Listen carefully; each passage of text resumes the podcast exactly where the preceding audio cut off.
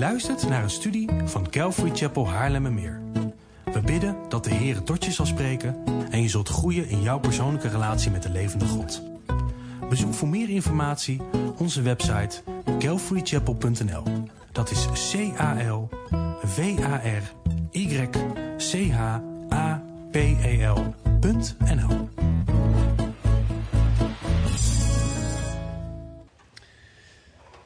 Sla je Bijbel alsjeblieft open op het prachtige Bijbelboek Romeinen. Wij zijn al flink wat studies bezig in Romeinen. Ik durf niet te zeggen hoeveel, maar sowieso meer dan 40. En we hebben prachtige dingen tot nu toe gezien in het boek Romeinen. We gaan niet heel snel. Ehm, we gaan soms zelfs erg traag. We herhalen stukken. Maar dat komt omdat we daarin steeds meer van God leren kennen. We daardoor steeds meer zien van God. En vorige week hebben we een, een break genomen van Romeinen. Hebben we gekeken naar 1 Petrus 1. Jezus, het perfecte lam van God. Dat is een fantastisch, cruciaal iets voor ons als christenen om te weten. Om bij stil te staan, om ons te beseffen. En dat is cruciaal voor ons in, onze, in ons geloof, in wat we geloven, maar ook in wat we doen. Als we dan vandaag weer de studie oppakken in Romeinen, dan hebben we Romeinen 1 tot en met 8 nu afgerond. We hebben gezien dat ieder mens redding nodig heeft. We hebben gezien dat redding door de Heer Jezus alleen is. We hebben gezien dat na redding het proces van heiliging begint. En nu, opeens, begint Paulus over Israël te praten. Opeens begint hij, onderbreekt hij of stopt hij met het prachtige stuk waarmee hij geëindigd is in Romeinen 8. En gaat hij over Israël praten. En daarom wil ik vanochtend met jullie Romeinen 9 tot en met 11 doen. In één keer.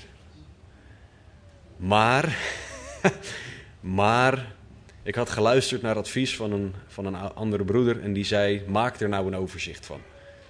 Maak nou een overzicht van Romeinen 9 tot en met 11. En waarom? Omdat het. Het is een heel bijzonder stuk.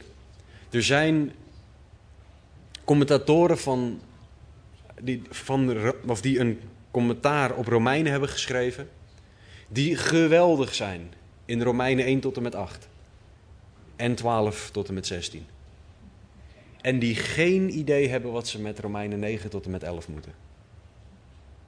Die gaan dan over zichzelf struikelen, die gaan allerlei hele bijzondere vormen van logica toepassen om maar iets over Romeinen 9 tot en met 11 te kunnen zeggen. Maar het is een, het is een ingewikkeld stuk. Zeker als je ernaar gaat kijken met een vooringenomen houding. En dat doet eigenlijk iedereen. Ik durf niet te zeggen dat ik dat niet doe. Maar ik heb wel geprobeerd om niet vanuit standaard denkpatronen naar Romeinen 9 tot en met 11 te kijken. Vooral onze Calvinistische broeders en zusters pakken Romeinen 9 tot en met 11 en halen daar delen uit om bepaalde doctrines te kunnen onderbouwen.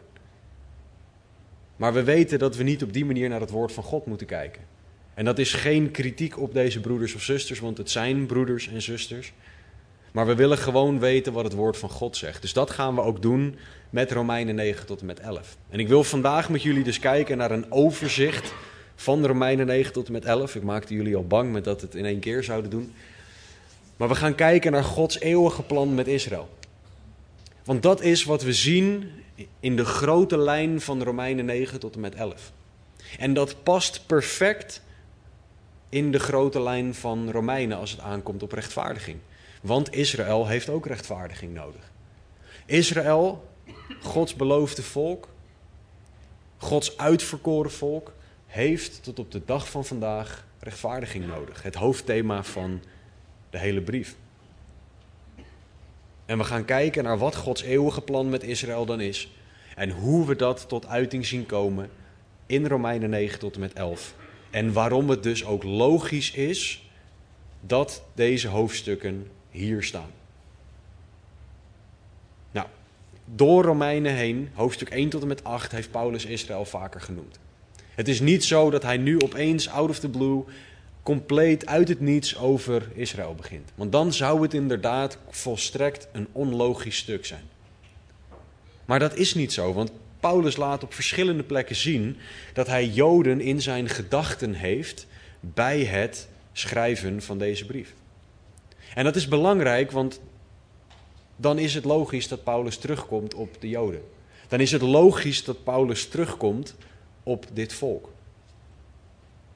En we zullen nu naar een kort overzicht kijken, wil ik samen met jullie doen, van plekken waar Paulus de Joden noemt. En hoe dat uiteindelijk leidt tot hoofdstuk 9 tot en met 11. In Romeinen 1, vers 1 en 2 schrijft Paulus het volgende, helemaal aan het begin van de brief. Hij opent de brief met het volgende: Paulus, een dienstknecht van Jezus Christus, een geroepen apostel, afgezonderd tot het evangelie van God, dat hij tevoren beloofd had door zijn profeten in de heilige schriften. Alle profeten waren Joden. Ze waren van Joodse kom af en zij werden door God gebruikt om Gods woord te brengen uiteindelijk aan ons. En door Romeinen heen zien we dat geloof in Jezus voortvloeit uit het Oude Testament. Door zijn profeten. We zien dat alles naar Jezus wijst in het Oude Testament. En de Joden zouden dat moeten zien. Dat hadden ze moeten zien. Hadden ze kunnen zien. En in alles zien we dat er een Joodse blik op het Oude Testament is die vooruitkijkt naar de Heer Jezus. Een Joodse blik op het Oude Testament die Jezus overal ziet. Dat is wat we in de Romeinen zien. En dat is aangekondigd door de profeten. Dus hier al vanaf het begin maakt Paulus duidelijk dat de Joden een grote rol hebben in dit plan. In Gods manier van redden. In wat God als bedoeling heeft voor rechtvaardiging voor de mens. Paulus gaat verder in Romeinen 1, vers 16. Hij zegt daar: Ik schaam mij niet voor het evangelie van Christus, want het is een kracht van God tot zaligheid voor ieder die gelooft, eerst voor de Jood en ook voor de Griek. Ook hier wordt het Joodse volk dus genoemd. Ook hier wordt Israël genoemd. Ook hier wordt duidelijk dat Israël een bepaalde plek heeft.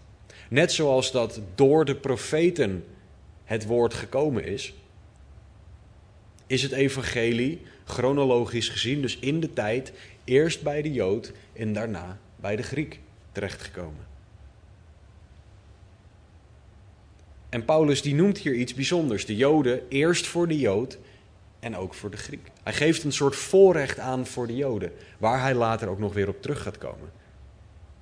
Want wat hij aangeeft door de hele brief heen, ja, de Joden hebben een bevoorrechte positie, maar zij hebben Jezus Christus net zo hard nodig als iedere niet-Jood.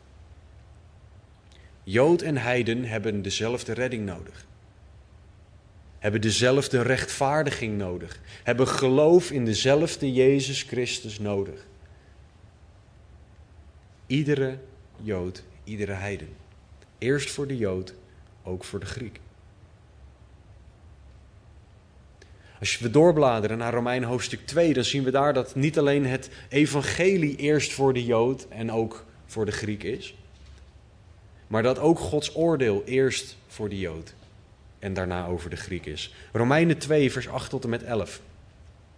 Hun echter die twistziek zijn en ongehoorzaam aan de waarheid, maar gehoorzaam aan de ongerechtigheid, zal gramschap en toorn vergolden worden. Verdrukking en benauwdheid zullen komen over de ziel van ieder mens die het kwade teweeg brengt. Eerst over de Jood en ook over de Griek. Maar heerlijkheid en eer en vrede over ieder die het goede bewerkt. Eerst over de Jood en ook over de Griek, want er is geen aanzien des persoons bij God.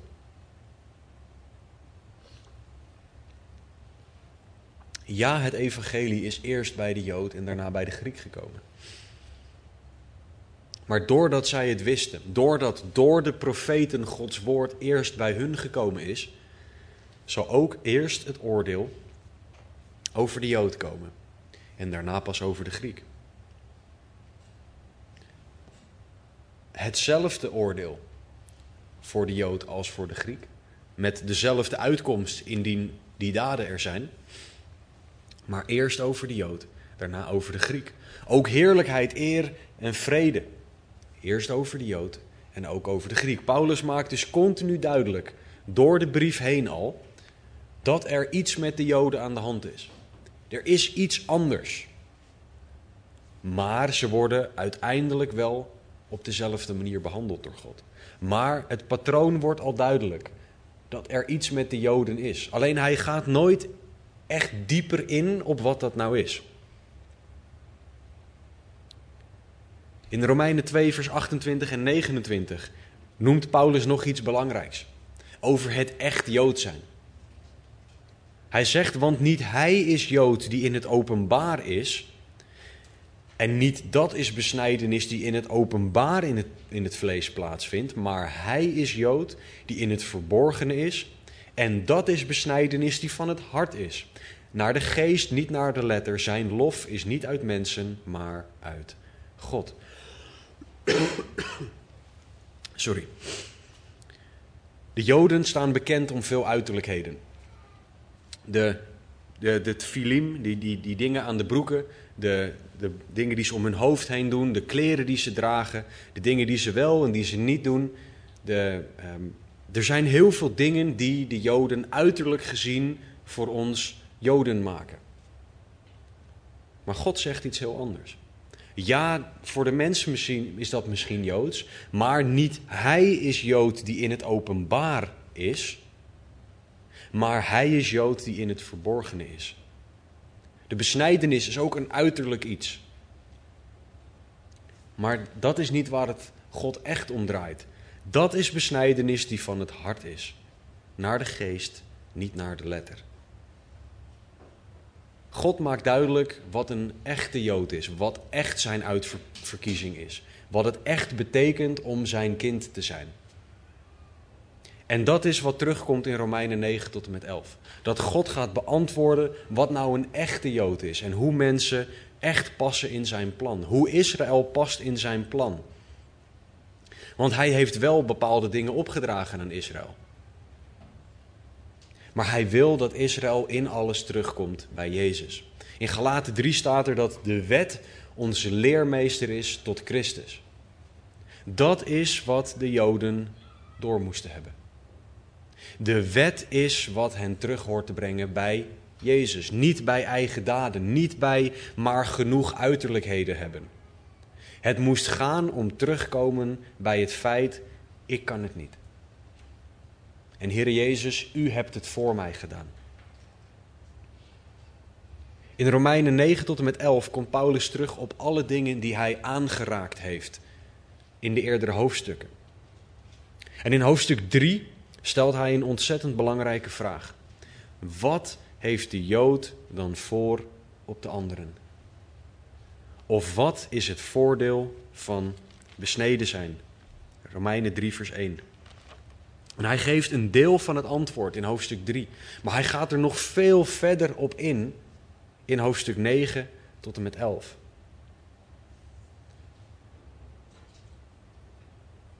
Hij stelt hier een belangrijke vraag omdat de kerk in Rome uit veel Joden bestond. Omdat de eerste kerk wereldwijd uit veel Joden bestond. Als je kijkt in handelingen, waren de eerste mensen die tot geloof kwamen in Jezus, waren allemaal van Joodse komaf. En je kan gaan denken, is God klaar met Israël? Als je ziet hoe hij nu niet meer per se de nadruk legt op Israël. In de huidige tijd waarin wij leven. De, nadruk ligt op de kerk. Is God dan klaar met Israël? Heeft God Israël vervangen door de kerk? Wat tot op de dag van vandaag een hele populaire leerstelling is. Dat heet de vervangingsleer. Alles wat God aan Israël beloofd heeft, is nu voor de kerk.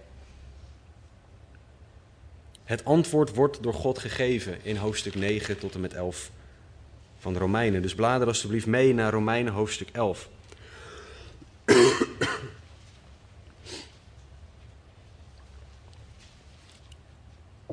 Want God was deze vraag voor. Is God klaar met Israël?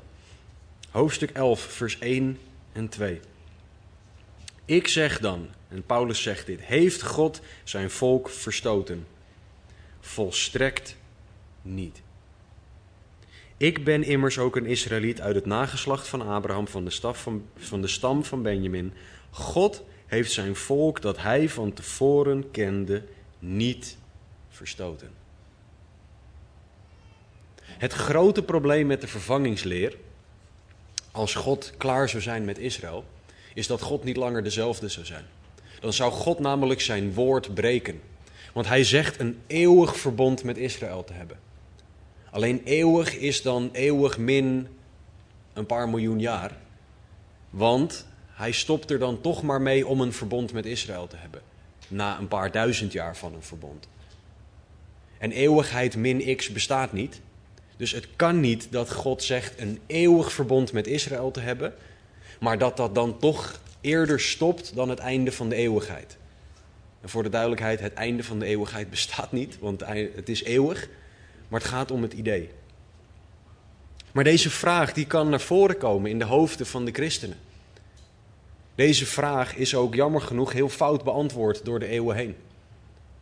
Tot op de dag van vandaag zijn er christenen die boos zijn op Israël, want zij hebben de Messias gekruisigd. En het antwoord daarop is nee, jij, u en ik hebben de Messias gekruisigd door onze zonde. En als we boos moeten zijn op iemand, dan is het op de Romeinen, dus moeten we allemaal boos zijn op de Italianen. Want de Romeinen hebben Jezus gekruisigd, niet de Joden. En nou ben ik niet voor boos worden op de Italianen, voor de duidelijkheid.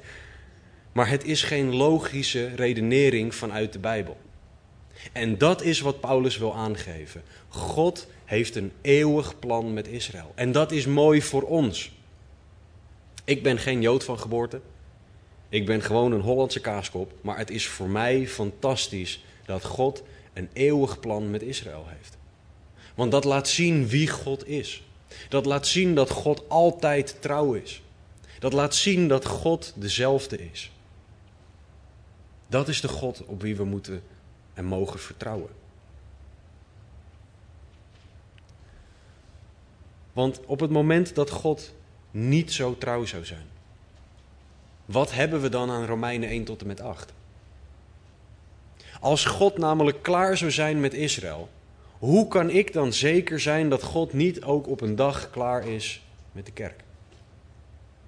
En dat het geloof dat ik in de Heer Jezus heb, opeens niet meer toereikend is. Dat het offer van de Heer Jezus opeens niet meer genoeg is. Als God zijn verbond met Israël kan veranderen, kan hij dat ook met het verbond met de kerk. Het nieuwe verbond in het bloed van Jezus. Dus het is noodzakelijk dat Paulus nu ingaat op Israël. Om te laten zien dat God dezelfde is en dat er geen verandering is. Romeinen 9 tot en met 11 laten zien dat Gods trouw niet veranderd is. Deuteronomium 7 vers 9. Daarom moet u weten dat de Heere uw, dat de Heere uw God is. Hij is God, de getrouwe God, die het verbond en de goedertierenheid in acht neemt voor wie hem liefhebben en zijn geboden in acht nemen tot duizend generaties. Dat is heel lang. En het einde daarvan hebben we nog niet bereikt. Hij is God, de getrouwe. Dat is wat God laat zien aan Israël. Dat is wat God laat zien aan de kerk. En dat is de les die de kerk door Israël heen mag leren. En dit is een prachtige belofte van God. En dit is een prachtige belofte waar wij op kunnen staan. Bijbelcommentator Morris heeft het volgende gezegd: Als God zijn volk van oudsher niet kan redden, hoe kunnen de christenen dan weten dat hij hen kan redden? Paulus begint niet over een nieuw en los onderwerp. Deze drie hoofdstukken zijn onderdeel van de manier waarop God mensen redt. Het hoort bij de gedachte van rechtvaardiging. Het laat zien hoe mensen wel en niet tot God komen. Het laat zien dat er een verleden, een heden en een toekomst is voor ieder mens en ook voor een volk als Israël. Want Romeinen 9 gaat in op het verleden van Israël. Bijvoorbeeld hun situatie en hun slavernij in Egypte. Het gaat in over de verharding van hun hart. en andere details die God daarin gaat aanhalen. Hoofdstuk 10 gaat over het heden van Israël, waarin zij de Messias afwijzen. Jammer genoeg. En hoofdstuk 11 gaat over de hoopvolle toekomst van God voor zijn volk. Als God klaar zou zijn met Israël, zou die toekomst er niet zijn. Als God klaar zou zijn met Israël en er dus geen eeuwig plan is, hoe kunnen wij dan zeker zijn van de eeuwige toekomst die wij van God beloofd krijgen? Het verleden, heden en toekomst van Israël zitten in Romeinen 9 tot en met 11. En wij mogen leren dat God net zo trouw naar Israël is als naar de kerk. Dat zijn goedheid, zijn karakter en zijn, zijn alles laten zien dat wat hij doet eeuwig is. En dat daar dus geen verandering in komt. Zelfs niet als je het verschil hebt tussen Israël en tussen de kerk. In Romeinen 9, vers 1 tot en met 5 legt God uit wat Israël is. Wat Israël echt is. Wie Israël is. In vers 6 tot en met 13 van Romeinen 9 gaat hij in op wie Israël wel en niet is, vooral ook. Wie niet en waarom. En ook hier doorheen laat God zijn trouw zien. Want hij laat zien dat hij dezelfde God is en dat mensen ervoor mogen kiezen om hem na te volgen. En in vers 14 tot en met 18 van Romeinen 9 zien we dan de reactie van Israël op God. Die zij gehad hebben in het verleden. Vers 19 tot en met 29 gaan over Gods rechtvaardigheid ten opzichte van Israëls reactie. En wat wij, heidenen, hier ook mee te maken hebben. En het eindigt met Israëls verleden of hij eindigt Israëls verleden met Gods genade in vers 30 tot en met 33. En wat prachtig is daar, is dat het gaat om Gods genade ten opzichte van Jood en Heiden. Het gaat hier om allebei. Vers 30 zegt: Wat zullen wij dan zeggen van Romeinen 9? Dit, dat de heidenen die geen gerechtigheid hebben nagejaagd, gerechtigheid hebben verkregen, gerechtigheid echter die uit het geloof is. Maar Israël, dat de wet van de gerechtigheid najaagde, is aan de wet van de gerechtigheid niet toegekomen. Waarom niet? Omdat zij die niet uit het geloof zochten, maar als uit werken van de wet, want zij hebben zich gestoten aan de steen des aanstoots. Israël en de heiden, Jood en heiden hebben geloof nodig.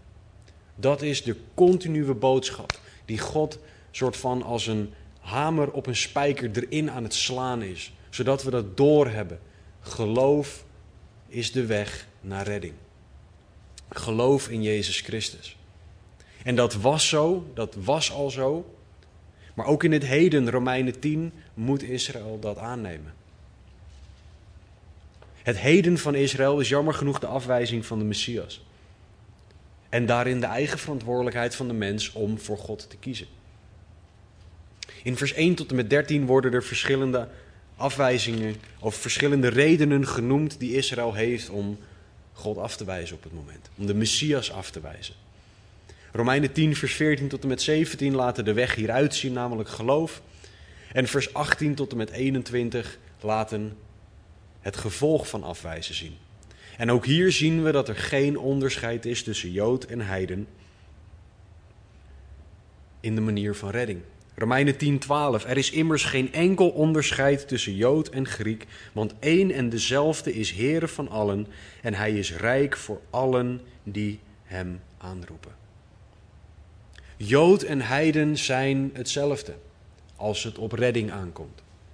Dat doet niks af aan Gods plan met Israël, waarmee hij een specifiek verbond heeft. Maar ieder mens moet geloven in Jezus. De toekomst van Israël. De beloften voor Israël is Romeinen 9. En in Romeinen 11 worden er vijf getuigen door Paulus bijgehaald. Om te getuigen dat God één niet klaar is met Israël en twee dat er nog een toekomst is. De eerste getuige is Paulus zelf in vers 1. De tweede getuige is Elia in vers 2 tot en met 10. De derde getuige zijn de heidenen in vers 11 tot en met 15. De stamvaders nummer 4 in vers 16 tot en met 24. En God zelf in vers 25 tot en met 36. Paulus laat zien dat God zelf getuigt van het feit dat hij nog niet klaar is met Israël. En ik weet dat sommigen van jullie het echt machtig interessant vinden wat ik net allemaal heb opgelezen. En ik weet dat sommigen van jullie denken, wat? Dat snap ik. We gaan hier ook nog rustig vers voor vers doorheen. Ik ga echt proberen om de 128 studies van uh, Matthäus te overtreffen. Nee hoor, we gaan zien hoe, hoe lang het duurt. Maar dit is geen droge opsomming, ook al kan het zo voelen. Waarom is dat niet zo? Omdat we de grote lijn van deze hoofdstukken moeten snappen. Om te snappen hoe dit in de Romeinenbrief past. Zodat we ook kunnen snappen dat Paulus niet iets nu raars aan het doen is. Maar dat we dit moeten snappen om de hele Romeinenbrief te kunnen snappen. Door te weten wat het hoge, het grote plaatje is, kunnen we dit kader ook continu gebruiken om naar terug te grijpen. Want we weten met z'n allen, daar kom ik elke keer op terug, de grote hoofdlijn van de Romeinen is rechtvaardiging. Maar rechtvaardiging voor de Joden is daarin net zo belangrijk als rechtvaardiging voor de heiden. En allebei komen daarin terug. Dus waarom staan deze hoofdstukken nou hier? Omdat God dezelfde is. Naar Jood en naar heiden. Hij heeft Israël niet verstoten. Jood en heiden zijn doenwaardig. Romeinen 3:19. Rom Jood en heiden hebben redding nodig door geloof in Jezus Christus. Hoofdstuk 4 en 5. En zullen daarna geheiligd worden. Hoofdstuk 6 tot en met 8. Dit plan geldt voor Jood en voor heiden. En daarom mogen zij allebei hiervan horen. Maar als ik hier zou stoppen, dan zou ik jullie een hele hoop, hele, vind ik, interessante theologische feitjes gegeven hebben. En hoe leuk en interessant theologische feiten ook zijn, en hoe goed en nuttig die ook kunnen zijn, je hebt daar niks aan op het moment dat je gewoon zomaar door je week heen gaat en je dingen doet van het dagelijks leven. Dus daarom wil ik vier dingen noemen die we hiervan kunnen leren. Alleen al van dit hoge overzicht van Romeinen 9 tot en met 11. We mogen ten eerste weten dat God niet verandert. Malachi 3:6 Want ik, de Heere, ben niet veranderd. U kinderen van Jacob bent daarom niet omgekomen. Als God klaar zou zijn met Israël, dan is het voor ons wachten op bliksem uit de hemel. Want God kan dan opeens klaar zijn met ons. En dat is niet zo. En wat doet dat? Het geeft rust. Het geeft zekerheid dat zijn barmhartigheid nieuw is elke morgen en dat God niet op een ochtend wakker wordt en de kraan dichtdraait. Het geeft ons zekerheid dat Hij dezelfde rots is waarop we kunnen staan. Het geeft ons een toekomstperspectief waar we ons aan vast kunnen houden. Wanneer Paulus zegt: het lijden van deze tijd is niks in vergelijking met de hoopvolle toekomst die we hebben. 2 Korinthe 4 en 5 heeft hij het daarover. Dan is het niet zo dat die hoopvolle toekomst opeens morgen weg is. Omdat God met zijn verkeerde been uit bed stapte. Het blijft staan, want God verandert niet. En dat is goed voor ons. Hij is altijd te vertrouwen. Zijn liefde, zijn genade, zijn rechtvaardigheid en heiligheid zullen niet veranderen. Als hij zegt dat er geen verdoemenis meer is voor hen die in Christus Jezus zijn, dan is dat een eeuwige waarheid. Want God verandert niet. Dit is een eigenschap van God waar je je aan vast kan houden. Als het leven tegenzit, als dingen moeilijk zijn, God is dezelfde. Je kan rust en zekerheid in Hem vinden, omdat Hij is wie Hij zegt te zijn en daarin niet zal veranderen. Het tweede dat we mogen zien, door door dit overzicht van Romeinen 9, 11, 9 tot en met 11 moet ik zeggen, is dat God redt door zijn genade. Want zowel Jood als Heiden verdienen het niet. Efeze 2, vers 8 en 9. Want uit genade bent u zalig geworden. Door het geloof en dat niet uit u. Het is de gave van God, niet uit werken, opdat niemand zou roemen. Redding is Gods wil. Hij wil dat allen gered worden, weten wij uit 1 Timotheus 2. Maar de weg naar redding is wel op zijn manier, namelijk zijn genade. En deze redding is nodig voor Jood en Heiden. En Israël mag op, op de Heer Jezus gaan vertrouwen, mag bij God komen door de Heer Jezus en wij ook. Zijn genade. Dat is waar we op kunnen staan, waar we op kunnen bouwen. Dat is wat we mensen kunnen toebidden, dat zij Gods genade gaan leren kennen. Dat is wat wij nodig hebben. Redding door Jezus werk, Jezus genade. Het derde dat we kunnen leren is dat God afmaakt waar hij aan begonnen is. We hebben het verleden, het heden en de toekomst van Israël in hoofdstuk 9, 10 en 11. En God maakt af waar hij aan begint. Filippenzen 1:6 Ik vertrouw erop dat hij die in u een goed werk begonnen is, dat voltooien zal tot op de dag van Jezus Christus. Dus het goede werk dat God al die duizenden jaren geleden in Israël begonnen is. Met zijn belofte in Genesis 3 over een redder. Met zijn belofte aan Abraham in Genesis 15. Dat zal voltooid worden tot op de dag van Christus. En dat vind ik heel fijn. Want ik heb afgelopen week een fantastische week gehad met broeders. Waarbij God mij echt aangesproken heeft. En toen ik vanochtend wakker werd en dingen aan het ontbijt niet gingen zoals ik wilde dat het ging, viel ik terug in patronen van voor deze week. Ik mag weten, ik mag weten dat God afmaakt waar hij aan begonnen is. Dat God niet verandert. En dat hij ook zijn genade voor mij heeft. Dat wanneer ik zondig, dat zijn genade er voor mij is. En dat hij het werk van mij veranderen naar het beeld van de Heer Jezus door zal zetten. Het is geen vrijbrief om te zondigen, verre van. Maar het is wel fijn wanneer je tegen je eigen zondigheid aanloopt. Het einddoel van op de Heer Jezus lijken is een doel dat de Heer God ook zal bereiken. Ik vertrouw erop dat Hij die in u een goed werk begonnen is, dat voltooien zal tot op de dag van Jezus Christus. Wees daardoor bemoedigd. God gaat door en dat mogen we zien in zijn trouw aan Israël. En het vierde punt is dat God leidt. Je ziet door de eeuwen heen dat God Israël leidt. Je ziet dat er in 1948 een nieuw land gesticht is en dat God dat geleid heeft. Je ziet door alle oorlogen heen die er sindsdien geweest is, dat het niet anders kan dan dat God leidt bij Israël. En wij mogen weten, Psalm 32:8, dat God ook hetzelfde zo voor ons is. Psalm 32:8, ik onderwijs u en leer u de weg die u moet gaan. Ik geef raad, mijn oog is op u. Welke stappen wij ook moeten zetten, God zal ons leiden. Hij verandert niet, hij is trouw, zijn genade is er, hij gaat het werk voleindigen en we mogen leren luisteren naar zijn leiding.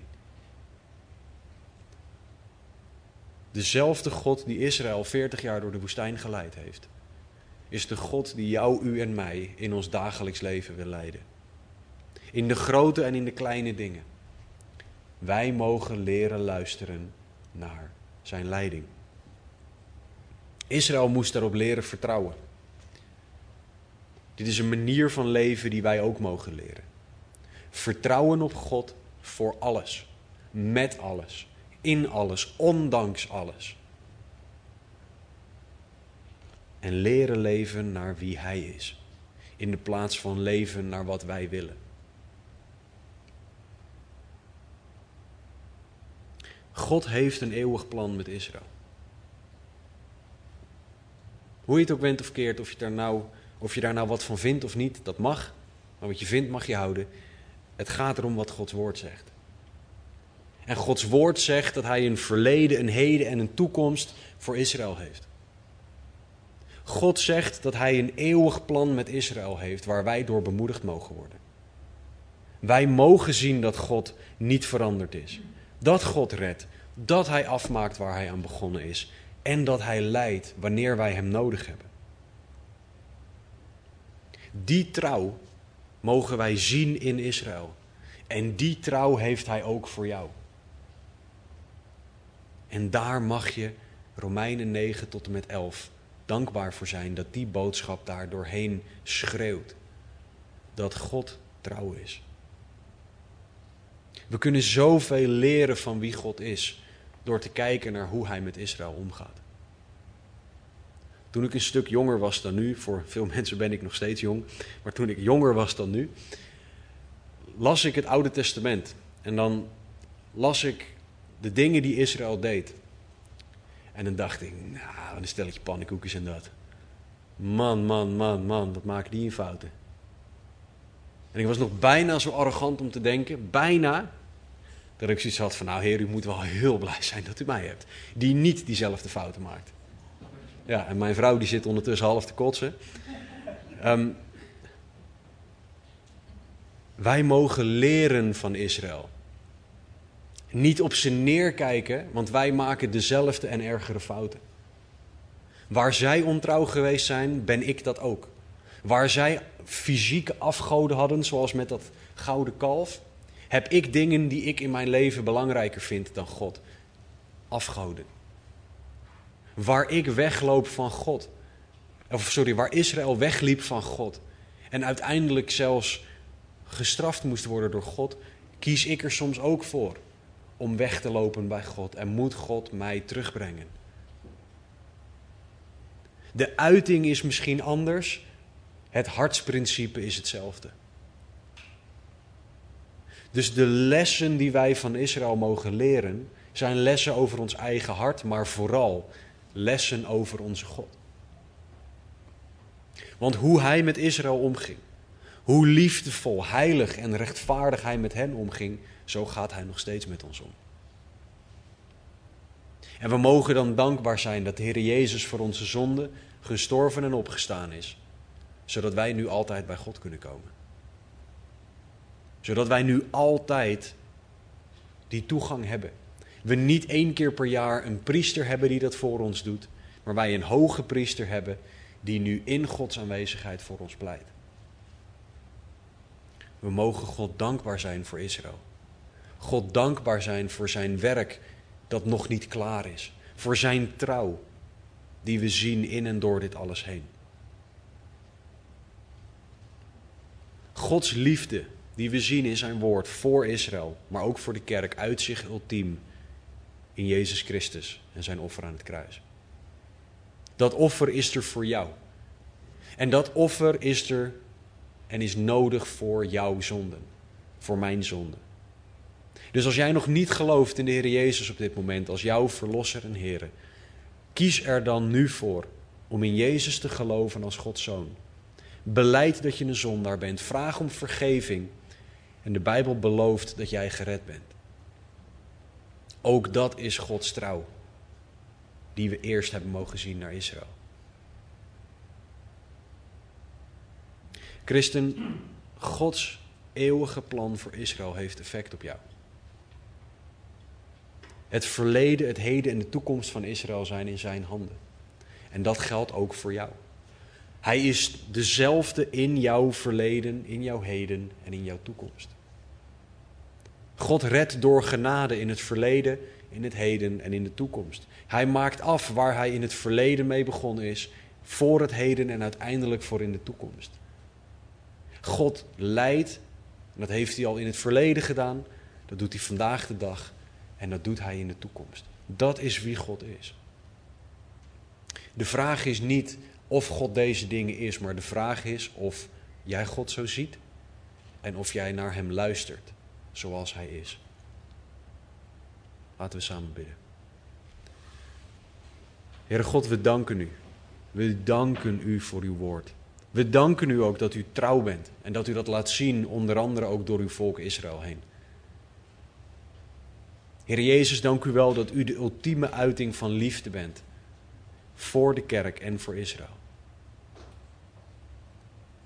Heere, dank u wel dat u niet verandert. En dat u altijd dezelfde bent. Wat een voorrecht, Heer, om u te mogen kennen. Wat een voorrecht om uw kind te zijn. Wat een voorrecht om te weten dat u niet verandert. Heer, u bent zo goed. Heer, laat ons alstublieft zien dat u niet verandert. Dat u redt door uw genade. Dat u afmaakt waar u mee bezig of waar u mee begonnen bent. En dat u leidt in elke situatie. Leer ons leven naar wie u bent. Open onze ogen voor de waarheid van uw woord. Heer, als er mensen zijn die u nog niet kennen, Heer, breng ze tot geloof. Laat ze namelijk zien dat uw liefde beter is, groter is dan alles. Heer, uw naam zij geprezen voor uw trouw naar Israël. En dat we daardoor mogen weten dat u trouw bent naar uw kerk. Bemoedig, corrigeer, bouw op, Heer. Doe alles wat nodig is in onze harten op dit moment. Heer, we loven en we prijzen uw naam. We danken u en we bidden dat u onze harten aanraakt. Heer, we vragen dat allemaal in Jezus' naam. Amen. Aanbiddingsteam zal ons zo nog leiden in een tweetal liederen. Ik wil eindigen met dezelfde woorden als vorige week uit Judas 1, vers 24 en 25. Aan hem nu die bij machten is, u voor struikelen te bewaren en u smetteloos te stellen voor zijn heerlijkheid in grote vreugde. De alleen wijze God, onze zaligmaker, zij heerlijkheid, majesteit, kracht en macht, nu en in alle eeuwigheid. Amen. Deze belofte verandert niet, want God verandert niet. Deze belofte staat voor deze week, omdat we dat zien in Gods eeuwige plan met Israël. Neem de tijd om te aanbidden. Er zullen een aantal mensen aan de randen van de zaal staan die met en voor je willen bidden. Dus als je gebed wil, want we hebben allemaal gebed nodig, loop dan naar een van deze mensen toe en ga met hem bidden. Hele gezegende week alvast.